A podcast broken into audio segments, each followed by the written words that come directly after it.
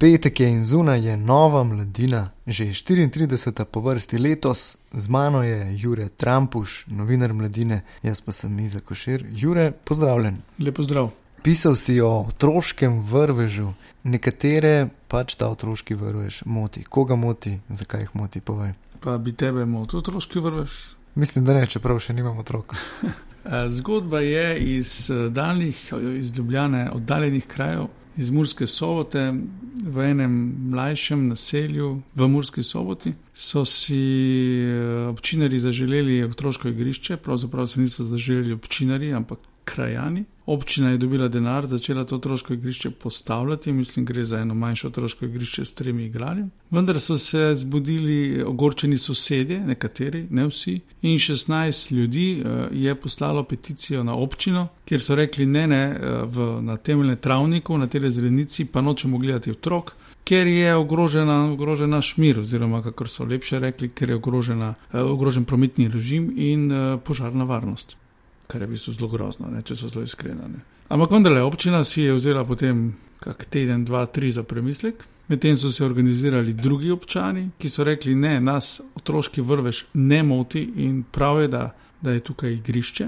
Da teh je bilo več, več kot 100 podpisov so dobili in občina Murska sobota je na koncu sprejela seveda prav odločitev in je rekla ne, otroško igrišče spada v naselje družinskih hiš, ta travnik in pravi, da imajo tudi otroci svoj prostor. Res pa je, da ta fenomen zavračanja ni samo doma v Murski soboti. Ja, ravno to sem te želel vprašati, namreč gre za kar pogost pojav v Sloveniji. Kaj vse in kdo vse moti slovence, ko tako le ustanavljajo te inicijative? V Sloveniji je zdaj že skoraj 30, tako rekoč, skoraj 30 let demokracija in ljudje so seveda zavedni, vedo, da se lahko njihov glas sliši, vedo tudi, da lahko pritisnejo na občino, kar je seveda prav. Vendar te civilne inicijative, ki se ustanavljajo, vedno nimajo prav. Spomnimo se, recimo, pred leti so v Mariboru nekateri nasprotovali materinskemu domu. V celju so nekateri nasprotovali odprtju javne kuhinje, v Grosupljem so nekateri, med njimi gre tudi za znano odvetniško pisarno, nasprotovali odprtju bivalnega centra za, za starejše ljudi z posebnimi potrebami, in tako dalje. In tako dalje. Se ta fenomen je znan iz umeščene stvari v prostor, imenuje se samo ne samo na mojem dvorišču, torej jedrski odpadki, lahko samo ne pri meni, daljnovod, seveda, samo ne čez mojo parcelo. Vsi uh, smo proti poplavni ogroženosti Ljubljane, ampak tam le na Pohojem Gradu pa ne bomo zadrževalnike zgradili in tako dalje in tako naprej. Za take ljudi je imela nekaj zanimivih besed pred leti zapovedati Svetlana Makarovič, tudi citiral si jo v članku. Ja, Svetlana Makarovič je pisala v delu en zelo odlično članek o ljudeh, ki nasprotujejo materinskemu domovu. Jaz sem se ga spomnil, na srečo sem ga našel, reč pa ne bi javno govoril o tem, kaj je pisala, ampak ja, ok. Rekla je, da so to ljudje, ki nasprotujejo otrokom, so smrduhi, tako kot znala ona povedati. Vprašanje pa je, seveda, zakaj se ljudje uh, nasprotujejo otrokom, pa vrvežu. Ne? Zato, ker jih zanima samo njihova rit in s tem končam.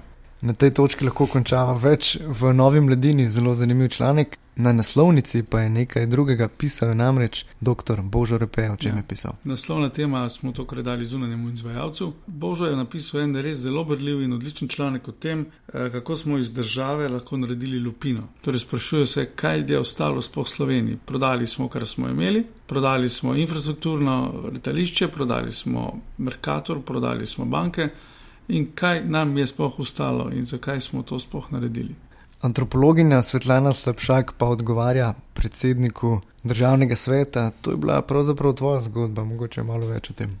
Ja, prejšnji teden uh, sem pisal eno, en člančič o predsedniku državnega sveta in sem ga razglasil, da je morda, morda dober obrtnik in uh, ljubeč oče, da pa je slab predsednik državnega sveta. Vse nam pa je zgodila neka manjša nerodnost in smo objavili napačno fotografijo.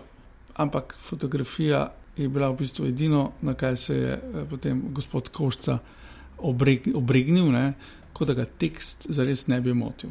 No, Svetlana Slabšak je še potem v tej novi mladini, v svojem slogu in še bolje razložila, kaj vse je narobe s tem funkcionarjem. V tej številki pa je tudi zelo zanimiv intervju, ki ga je delal Vase Jagar. Povej, s kom in zakaj je zanimiv. Ja, prihaja šolsko leto in eh, mladi starši smo že vsi panični, kaj se bo zgodilo v šoli. In uh, psihologinja, uh, šolska psihologinja iz Celske gimnazije nam je razložila, da vse stvari pa vendarle niso tako resne. In še in še in še, skratka, nova mladina je že na prodajnih policah, še vedno pa je tudi na voljo posebna številka, posebna poletna številka mladine intervju, kjer je 16 zanimivih intervjujev, Jure, izpostavi kakšnega. Pa ne bom, naj gre ljudje sami kupiti, lahko pa povem, kaj delamo zdaj v redakciji mladine. Novo številko. Nova posebna številka prihaja, zato zagrabite še tisto zadnjo. Jure, hvala. Čau.